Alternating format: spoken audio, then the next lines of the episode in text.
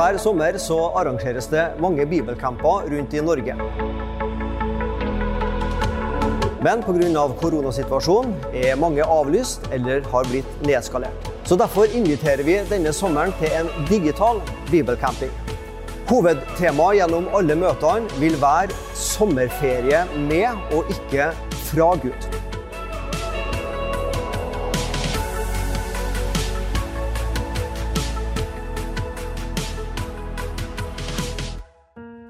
Velkommen til digital bibelcamping fra Norsk Luthersk Misjonssamband og fra Norea Mediemisjon. Hovedtema for denne uka er sommerferie med og ikke fra Gud. Og I dag så vil talen min ha som et tema hvordan skal vi ta vare på vårt åndelige liv.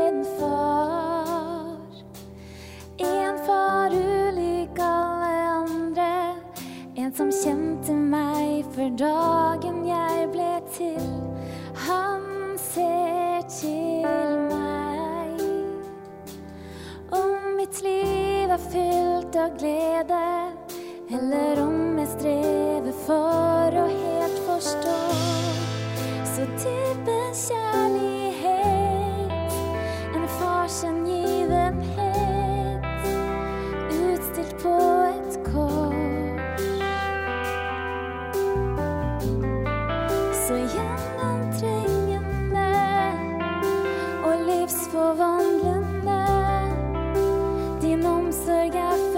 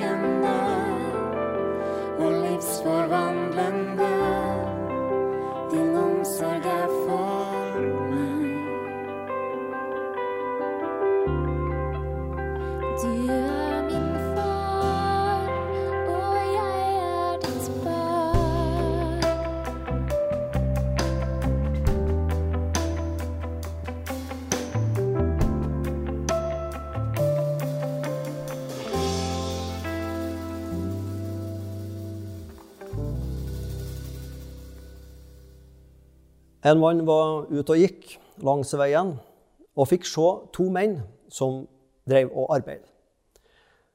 Den ene han gravde et hull. Så kom det en bak, og han gravde igjen hullet. Og Det syntes jo naturlig nok mannen at virka veldig spesielt. da. Så han gikk bort til dem og så spurte eh, hva er det dere driver med. Du graver et hull, og du kommer etterpå og graver igjen hullet. Det virker jo veldig rart. Du skjønner det, svarte disse to mennene, at vanligvis så er vi tre menn. Og vi driver og planter tre. Min jobb er å grave et hull. Og han bak her han graver igjen hullet, og så er det tredjemann. Han planter nedi da treet. Men akkurat denne uka så har han som er i midten, han har sommerferie, men ikke vi to. Ja, Kanskje en litt sånn halvmorsom historie, men den har faktisk et poeng. Her møter vi to stykker som arbeider og gjør arbeidet sitt helt riktig. Graver et hull og grev igjen. Men det er jo uten mål og mening, for det treet som skulle ha stått, som han da i midten skulle ha planta før sistemann gravde igjen, han hadde sommerferie. Og da gjør man bare arbeidet av plikt og uten mål og mening. Det høres jo helt teit ut. Vi mennesker er ulike, og vi har ulike oppgaver i kristen sammenheng. Når selve arbeidet blir viktigere enn hensikten med det man gjør, da er det jo noe som er feil. Men i alle fall, disse to de krangla ikke om oppgavene. De var ikke uenige om hva de skulle gjøre. Paulus, vi skal lese fra 1. Korinterne i dag. Og Paulus han skriver til menigheten i byen Korint i Hellas. Og Denne menigheten hadde noen år tidligere starta, før han sendte dette brevet. Eh, og disse, Denne menigheten hadde vel mange ganger siden Paulus var her, hadde sine kanskje sommerbibelcamper med ulike kanontalere som kom og skulle bygge dem opp. Eh, og så er det ofte sånn at eh, når det er mange gode talere, så eh, blir det gjerne flere meninger i menigheten. Ja, jeg syns han er best, nei, hun taler bedre, og nei, han er jo veldig god. Og sånn ble det i Korint. De hadde sine favoritter. Det er som en rogalandspredikant sa. Den taleren som har sin hale, med han er det noe gale. Altså den taleren eh, som bare får en hale med folk, som bare går og hører han eller hun, ja, da er det noe gale. Vi trenger variasjon og høre flere. Noen elska Paulus. Han var liksom, å, han var dyktig. Og andre Nei, Apollos. Han var det. Den store taleren. Sånn hadde det blitt i Korint. Så må da altså Paulus skrive til dem og refse dem litt og si at nei, så om han er menighetsplanteren eller evangelisten, lovsangslederen, søndagsskolelederen Alle er dyktige på sitt område. Og så skal vi rose dem for det området de er dyktige på. Men vi trenger alle sammen. Ok. Første Korinterbrev, kapittel 3, vers 5-10. Hva eller hvem er Apollos? Eller hva er Paulus? Tjenere som førte dere til troen, og det etter som Herren ga enhver. Jeg plantet, skriver da Paulus, Apollos vannet, men Gud ga vekst. Derfor er det ikke noe, verken den som planter eller den som vanner, men bare Gud som gir vekst. Den som planter og den som vanner, de er rett, men enhver skal få sin lønn etter sitt eget arbeid. For vi er Guds medarbeidere. Dere er Guds åkerland, Guds bygning. Etter den Guds nåde som er gitt meg, har jeg lagt en grunnvoll som en vis byggmester, og en annen bygger videre på den. Men enhver må se til hvordan han bygger videre. Åndelig vekst er det Paulus snakker om her. At min åndelige plante skal vokse. Et åndelig hus som skal vedlikeholdes og bygges. Og det er det noe flere har ansvar for. Her er det to bilder av Paulus bruker. Han snakker altså om frø og plante som spirer, og han snakker om et hus som skal bygges. De ulike forkynnerne som hadde vært i Korint, hadde sine ulike oppgaver. Paulus han var gründeren. Han var den som fikk ting i gang. Planta menigheter. Var evangelisten som førte folk til troa. Apollos han var kanskje litt annerledes. En sånn menighetsarbeider som var der over tid. Bygd menigheter sakte, men sikkert til en moden vekst. Kanskje den som administrerte og hadde lærergaven. Hva vet jeg. Men Gud ga vekst, sier Paulus. Glem aldri hvem som egentlig skal ha æren. Det er ikke Paulus og Apollos. Det er ikke evangelisten eller søndagsskolelæreren eller lovsangslederen eller ulike tjenester. Til sjuende og slutt er det bare Gud som kan gi vekst, og han skal ære. De som vanner og planter, er ett, skriver Paulus. Å bygge Guds rike er et teamarbeid. Et teamarbeid. Felles oppdrag, felles visjon. Og vi har jo felles arbeidsgiver, også den som er frivillig og ikke lønna. Vi har alle Gud som arbeidsgiver. Og nettopp fordi at å bygge Guds rike er et teamarbeid, så kan Paulus si derfor er det ikke noe den ene eller andre. Det er Gud som er noe. Det er Han som gir veksten. Den enkeltes arbeid og bidrag inn i menigheten har verdi nettopp fordi at Gud kan gi vekst, og fordi at vi er på et team. Mitt og ditt bidrag i det kristne fellesskapet gjør godt når vi er med å spille de andre gode. Det er den kollektive samhandlinga. Vi spiller hverandre gode i kirke og bedehus. I dag har jeg tenkt å stoppe litt ekstra for dette uttrykket. Men enhver skal få lønn etter sitt eget arbeid. Enhver skal få lønn etter sitt eget arbeid. Jeg har et arbeid overfor meg sjøl. Å vanne og gjødsle min egen plante. Å bygge mitt eget hus. Altså å ta vare på mitt eget åndelige liv. Paulus og Apollos, eller den som er prest eller forkynner eller søndagsskolelærer der du er med, har vært med å gi deg vekst. De har vært tjenere som førte dere til troen. Men det spørsmålet vi må stille oss, er er vi sjøl en tjener som fører oss sjøl til troa. Ikke bare alle de andre, men fører jeg meg sjøl til troa? Hvem har egentlig ansvar for ditt åndelige liv? Er det presten i menigheten? Er det formannen på bedehuset? Er det den omreisende predikanten? Hvem er det som har ansvar for ditt åndelige liv? Er det foreldrene dine, kanskje? Ja, opp til en viss grad så er det jo det. Opp til en viss alder. Mange har ansvar for å gi oss god og sunn åndelig mat og næring. Men likevel, hvem har hovedansvaret? Jeg har hovedansvaret for mitt åndelige liv. Og du har hovedansvaret for ditt åndelige liv. Ja, Gud har det selvfølgelig.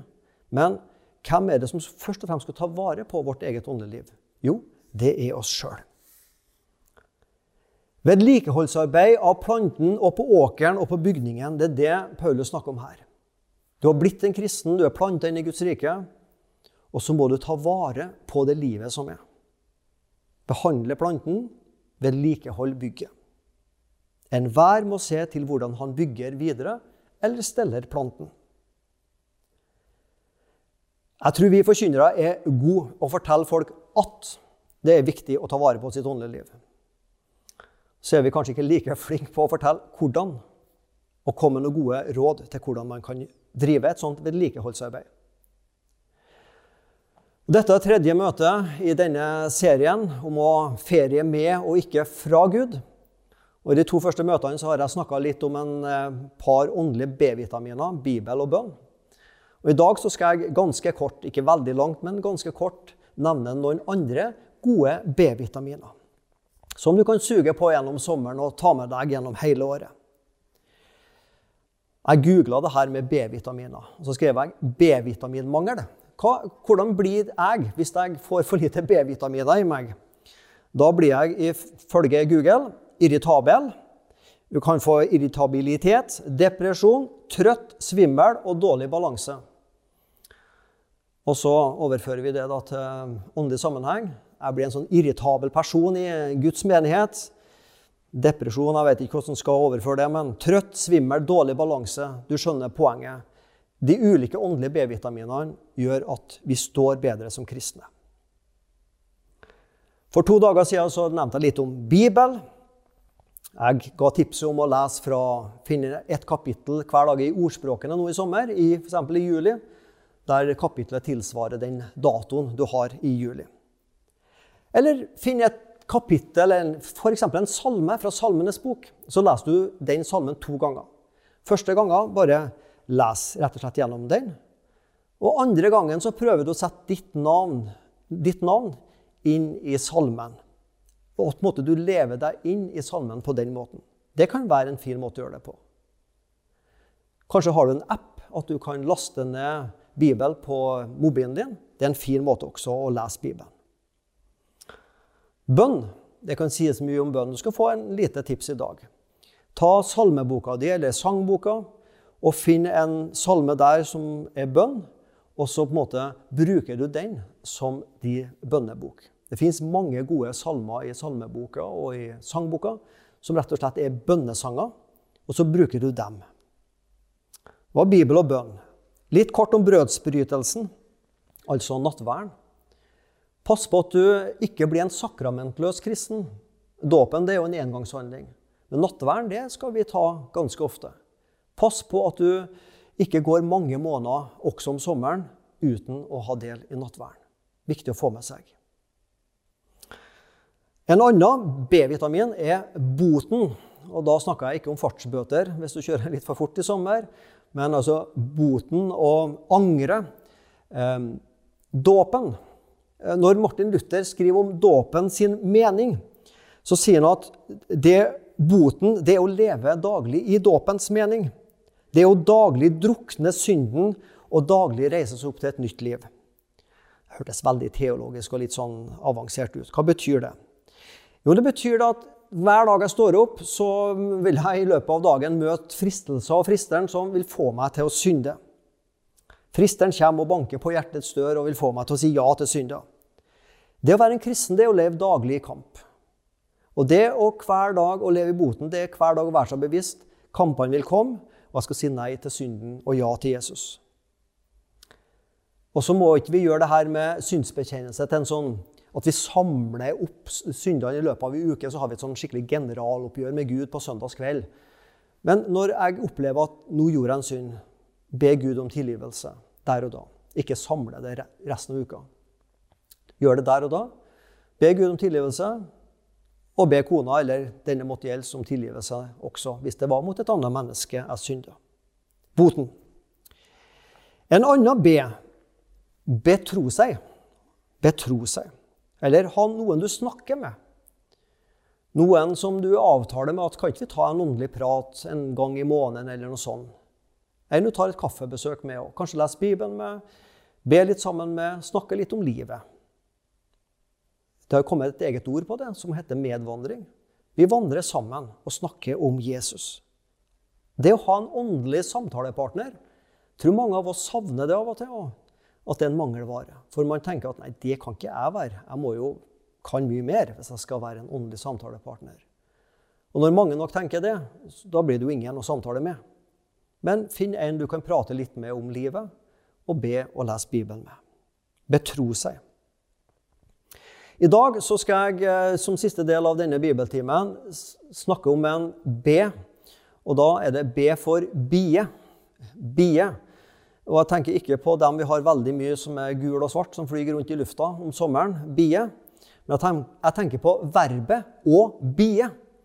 Og det er jo et verb vi i liten grad bruker i dag. Men eh, det er, betyr å vente. Å bie, da venter du på noe. Du finner f.eks. dette verbet, eller denne betydningen, i, i Oslo så finnes det en plass som heter Bislett. Bislett. Og fra gammelt av så, så, var det 'bi så litt'. Altså 'vent nå litt'. Når folk skulle inn til Oslo, så kom de reisende. Og så litt utafor sentrum så var det en plass som heter Bislett. der man kunne parkere hestene og få litt vann og hvile seg litt. Vent nå litt, bi så litt her, før du fortsetter resten av reisa inn til sentrum. Det er historien bak ordet Bislett, faktisk. Å bie og vente. Kjedelig å vente av og til. Forferdelig kjedelig. Men jeg er ganske sikker på at jeg har godt av det, å lære meg å vente. Nå skal du få et litt spesielt bibelord i denne sammenhengen. Jesaja 28, 16. Derfor sier Herren Gud, se, jeg har lagt i Sion, Jerusalem, en grunnstein, en prøvet stein, en kostbar, fast hjørnestein. Og Dette er et bibelord som brukes om Jesus i Nye Testamentet. At Jesus er vår grunnstein, en prøvet stein, en kostbar, fast hjørnestein. Og så står det i Jesaja 28, 16, Den som tror, haster ikke. Den som tror, haster ikke. Hvis du skal skrive Bibelen litt mer moderne Den som tror, stresser ikke, som vi sier på trøndersk. Har ikke for travelt. Eller bør ikke ha det for travelt med enkelte ting.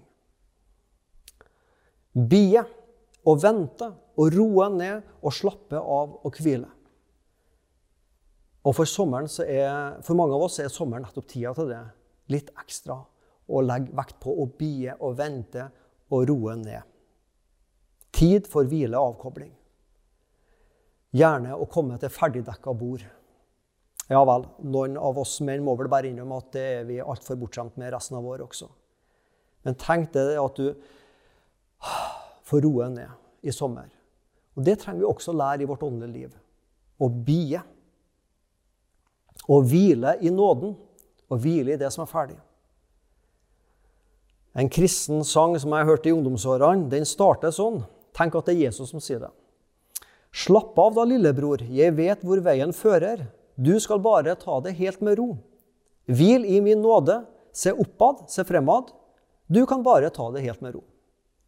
En som heter Trygve Vikstøl, som sang det en gang da jeg var ungdom i forrige årtusen. Hvile i at Guds nåde står fast, at Gud i Jesus la ferdig en grunnstein som bærer hele huset.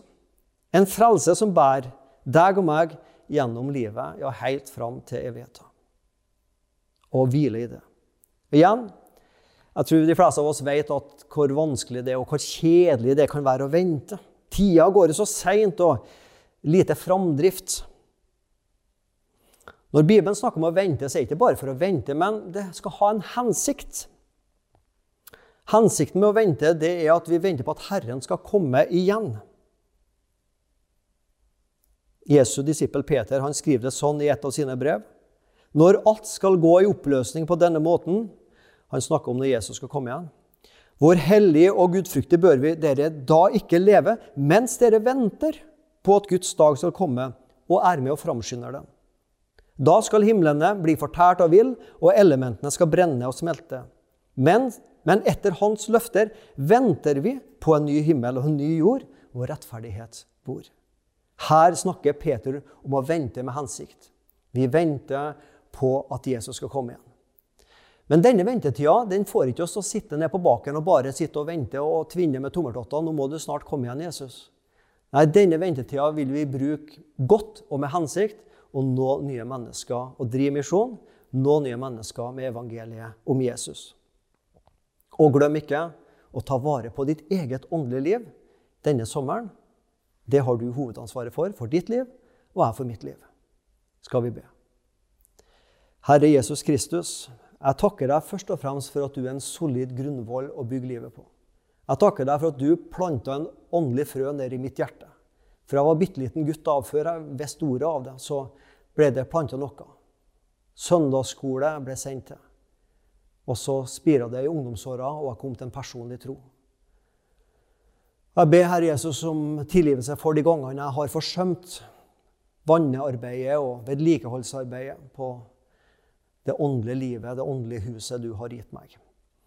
Men eh, minn meg på, oss alle, på å bruke sommeren og åra, tida rett, slik at vi investerer i vårt åndelige liv og bygger det sterkt og godt i ditt navn. Amen. Som de to første møtene så vil jeg også i dette tredje møtet gi deg eh, litt eh, åndelig påfyll, eller jeg vil gi deg noen tips om eh, noen gode digitale ressurser for åndelig påfyll. For et rikere kristenliv.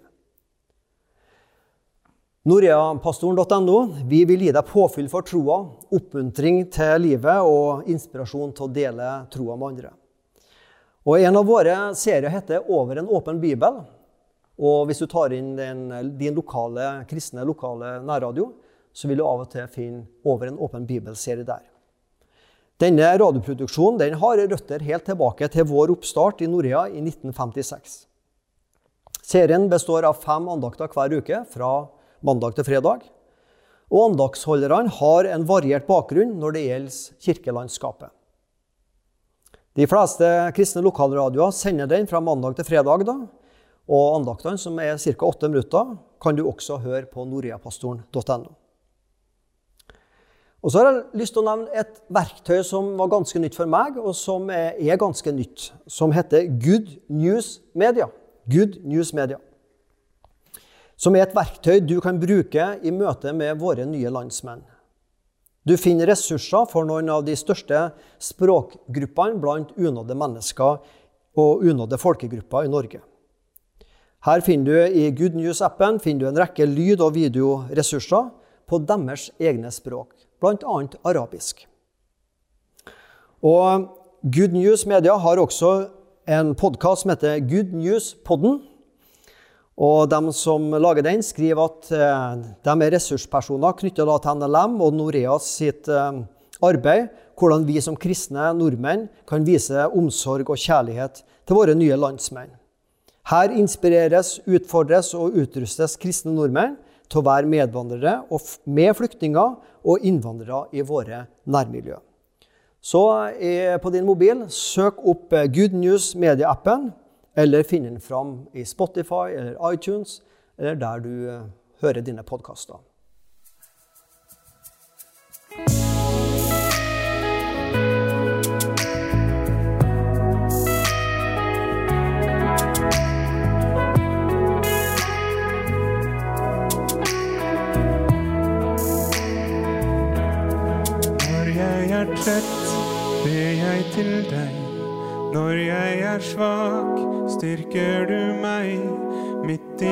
Pust, hvert sukk, hvert rop, vet jeg du er her. Når det er mørkt, er du mitt lys. Nå kan jeg se,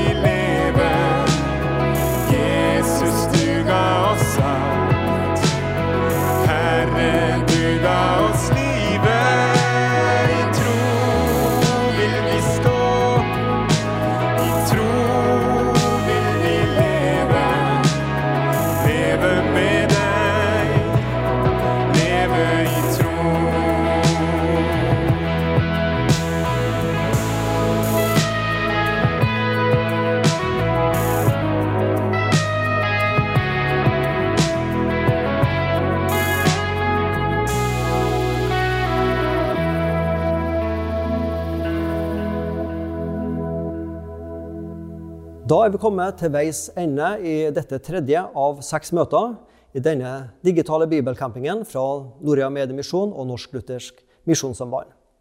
Sommerferie med og ikke fra Gud er hovedtema for disse dagene.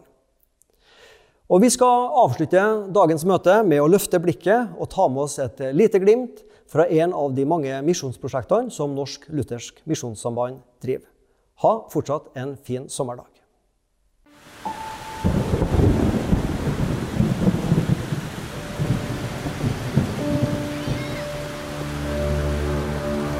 Banyak belajar juga dari mereka karena uh, mereka polos, mereka ya mereka berkata sesuai yang di hati mereka tidak memikirkan orang lain. Dette er Sondang, som leder en kristen barneklubb i byen Dolok Sangol på øya Sumatra i Indonesia. For Sondang er barna viktige å løfte frem. Anak bangsa di gereja, yang karena ketika orang tua kita ajarin tentang firman Tuhan, mereka sedikit uh, menolak. Tetapi ketika anak-anak kita ajarin, mereka bisa nanti suatu saat menjadi seorang yang lebih berhasil lagi, lebih percaya lagi kepada Tuhan. Ti år gamle Adelia går på barneklubben. I dette området er det ikke så mange kristne tilbud for barn. Klubben er derfor en kjærkommen plass hvor hun kan ha fellesskap med andre kristne barn. Terus saya sangat suka dengan Kak Sondang. Dia dikirimkan Tuhan untuk memberitakan firman bagi saya. Bagaimana caranya supaya saya bertobat. Dan ada juga permainan yang membuat saya senang dan tertawa. For NLM har arbeid blant barn alltid stått sentralt. Det gjelder ikke minst i folkerike Indonesia, hvor en tredjedel av befolkningen er under 18 år. Selv om barnas situasjon i dette landet har forbedret seg betraktelig de siste årene, er det fortsatt mye fattigdom og høy dødelighet blant barn. Derfor driver NLM også et helseprosjekt hvor nasjonale medarbeidere bl.a. produserer dukketeater for å drive helseforebyggende arbeid, slik at barn kan unngå livstruende sykdommer. Videre bidrar NLM til lese- og skriveopplæring på et barnehjem. Utdanning er nøkkelen til en fremtid uten fattigdom. Og ikke minst, NLM i Indonesia ønsker å gi barna muligheten til å bli kjent med den bibelske Gud. Det vil være viktig å utruste en minoritetskirke som lever i en krevende hverdag. Bisa percaya lagi kepada Yesus, bisa hidup sesuai dengan firman Tuhan, bisa menjadi anak yang lebih baik lagi, dan bisa juga anak-anak itu mereka bertumbuh memberitakan kabar seperti kakak kepada banyak orang. Si mimpi terbesar semakin banyak lagi orang yang terbesar semakin banyak lagi orang yang cinta kepada Yesus.